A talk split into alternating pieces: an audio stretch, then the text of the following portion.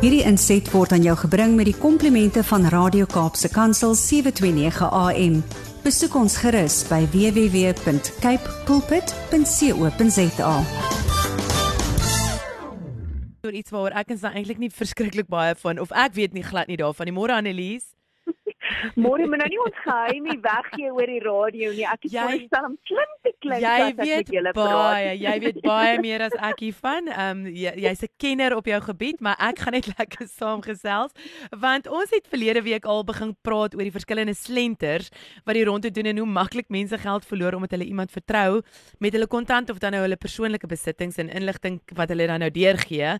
Maar kriptogeleenthede soos Bitcoin en Ethereum maak deesdae gereeld die nuus. Maar wat is hierdie geldene, Annelies?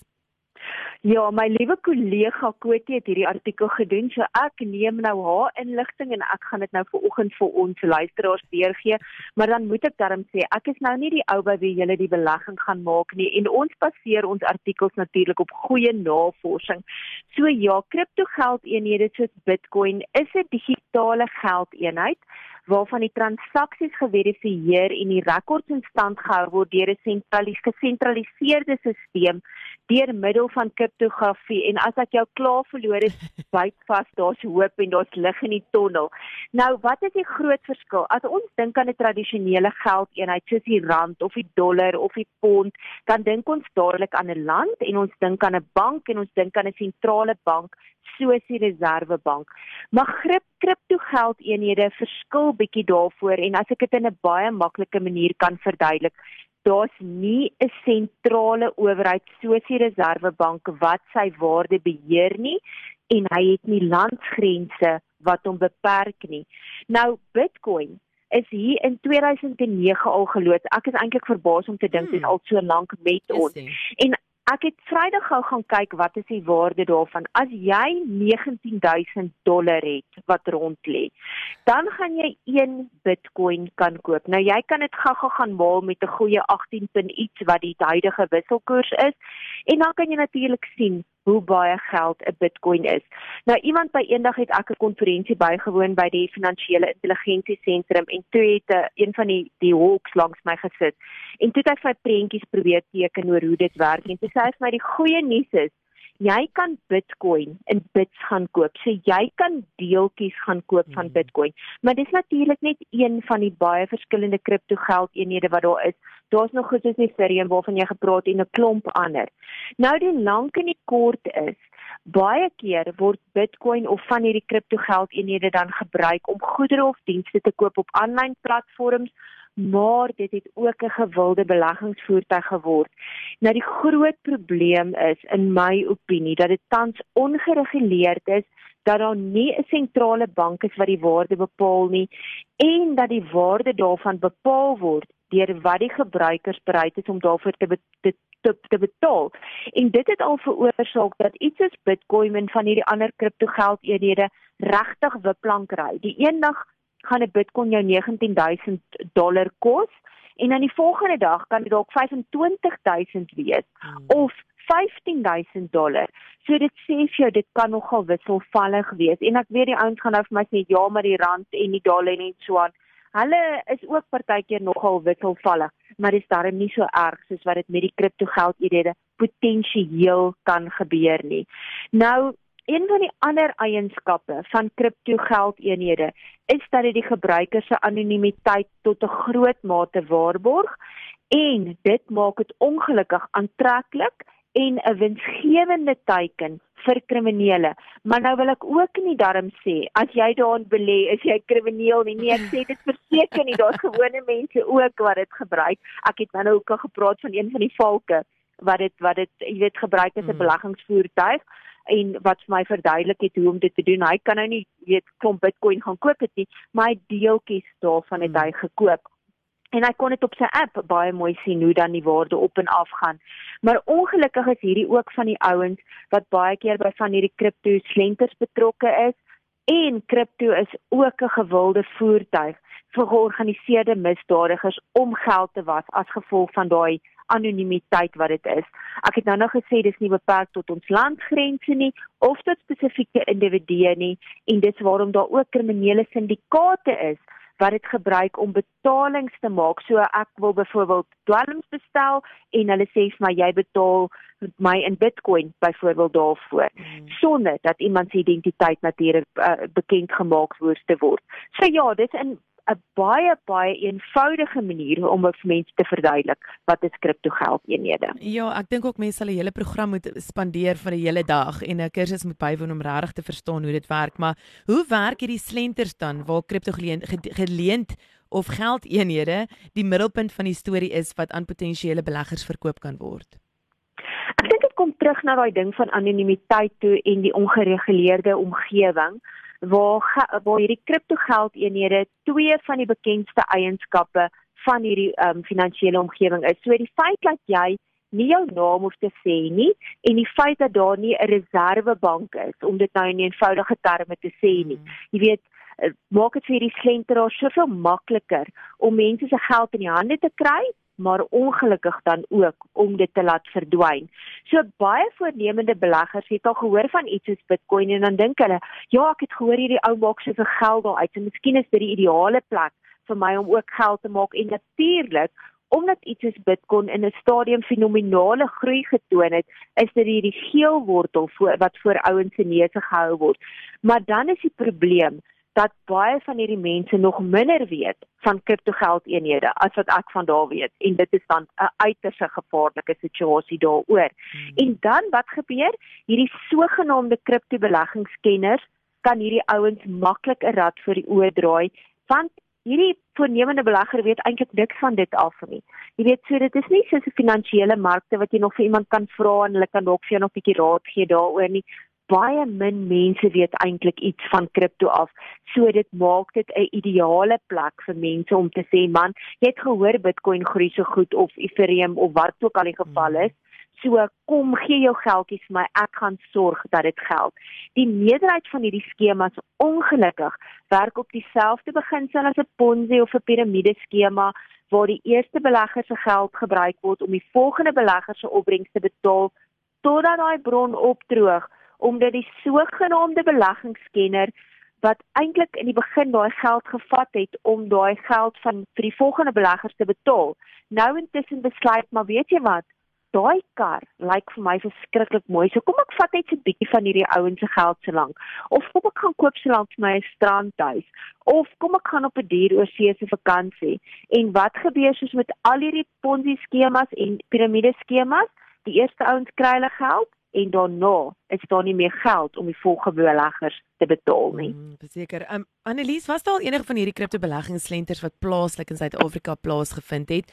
Um of is ons darm nog so 'n bietjie gespaar van dit?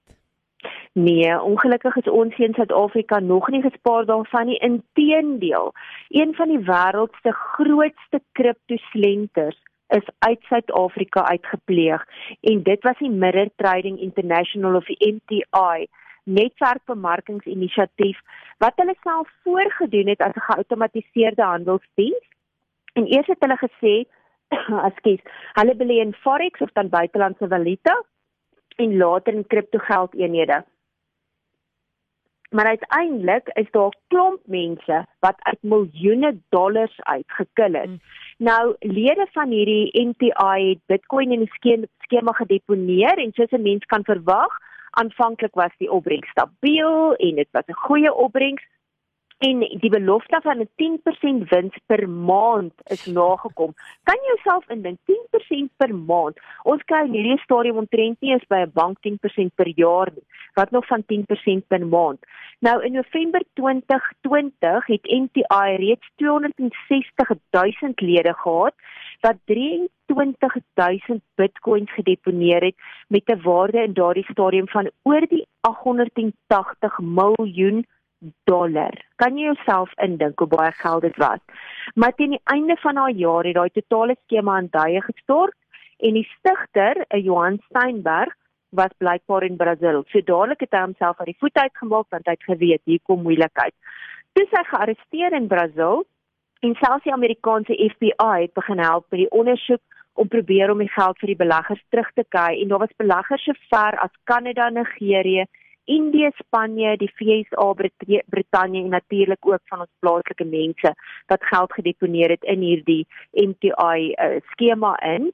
En nou met met MTI in die begin van die Bitcoin het hulle aan 'n forex makelaar wat in Belize geba um, gebaseer was oorgeplaas en in die tweede fase het Steinberg na bewering 'n gerekenariseerde bot met ander woorde rekenaris gerekenariseerde stelsel gebruik wat hy beweer het uitsonderlike groei tot die ouens se beleggings tot volg sou hê maar van die meer as 1800 bitcoins wat hy in daai stadium aan die makelaar in Belize gedeponeer het was daar reeds 'n verlies van 500 in 'n 6 maande periode.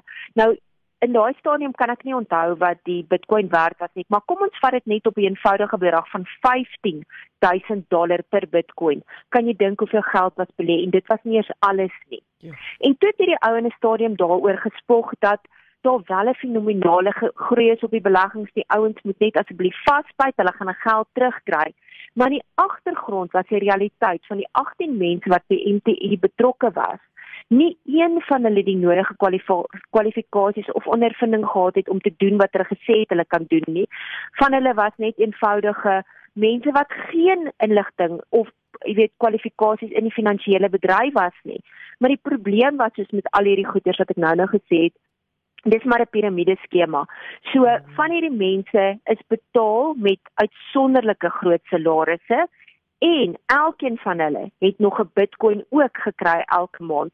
En in 'n stadium was 'n Bitcoin in daardie stadium R350 1000 rand werd. Hmm. So as ek net een Bitcoin 'n maand kan kry, imagine wat 'n wonderlike lewe gaan ek kan leef. So jy kan jouself indink hoe vinnig het daai mense van van die beleggers se geld ontslaag geraak. Ja. Nou, hulle het allerlei ratte voor die oë van hulle rekenmeesters en hulle bestuur gedraai en gesê ag hierdie buitelandse makelaars se state waarna hy verklaar het dat daar 'n verlies was wat nie die waarheid nie, maar die lank en die kort is dat die finansiële sektor se gedragsowerheid in Augustus 2020 reeds 'n waarskuwing uitgereik het vir beleggers dat hulle hulle geld moes onttrek by MTI uit. En ongelukkig was daar selfs in daardie stadium nog 60000 mense wat besluit het om heen te belê ten spyte van die waarskuwing wat uitgereik is maar die lank en die kort is hierdie mense het grootliks hulle geld verloor mm.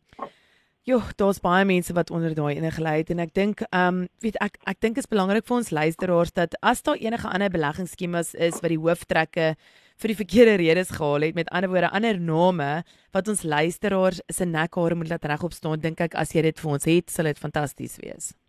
Ja, en hierdie is natuurlik bewese navorsing, jy weet, so die eerste een wat natuurlik 'n groot nuus gemaak het was AfriScript wat met die twee boeties Rajies in Amerika G wat met 3.6 miljard dollar van beleggers gesteel het. En dan gaan nou nie in die detail daarvan ingaan nie ons bespreek dit in ons tydskrif.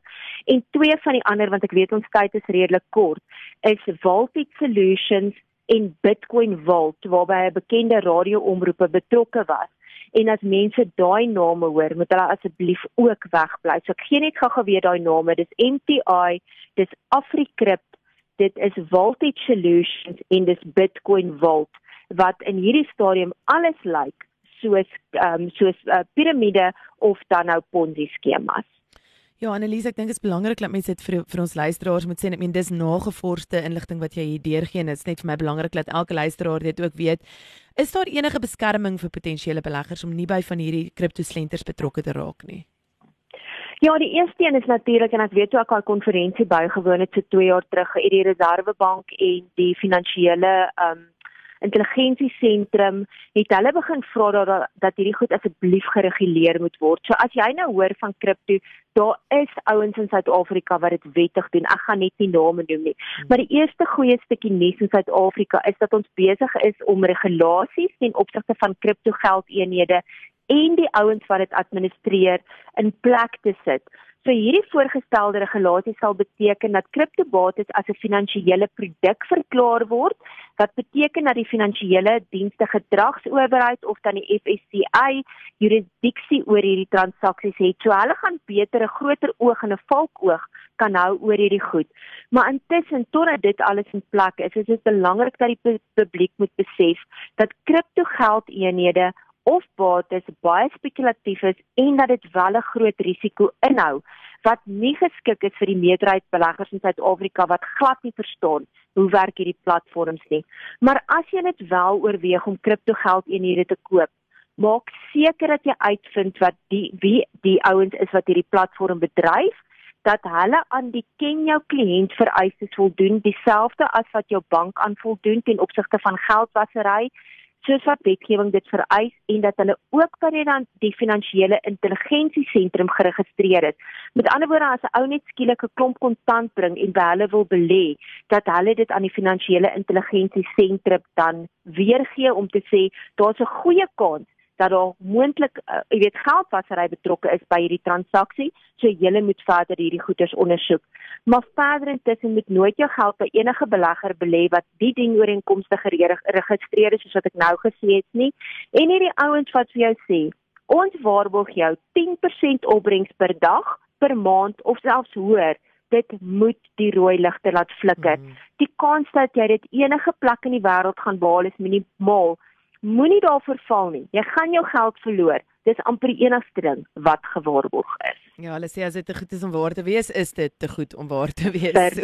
Seker. Annelies, vreeslik baie dankie vir jou inligting. Jo, ek het dis ek het hier so baie ehm um, baie notas gemaak terwyl ek en jy gepraat het. Dis definitief iets wat ons na toe beweeg en is die, die wêreld beweeg definitief na 'n kripto ehm um, weet geld eenheid en daar soos jy sê daar is regtig mense wat gekwalifiseerd is daarvoor, maar gaan doen jou huiswerk. Dis definitief ek dink my finale boodskap aan elke mm. luisteraar. Annelies, dankie vir julle werk. As jy wil inskakel by Servamus kan jy ook op hulle webtuiste gaan servamus.co.za um, of jy kan vir annelies@servamus.co.za e-pos stuur en dan ook op al die sosiale media platforms kan jy by Servamus gaan inskakel en gaan kyk die werk wat hulle doen en gaan teken in op hulle tydskrif.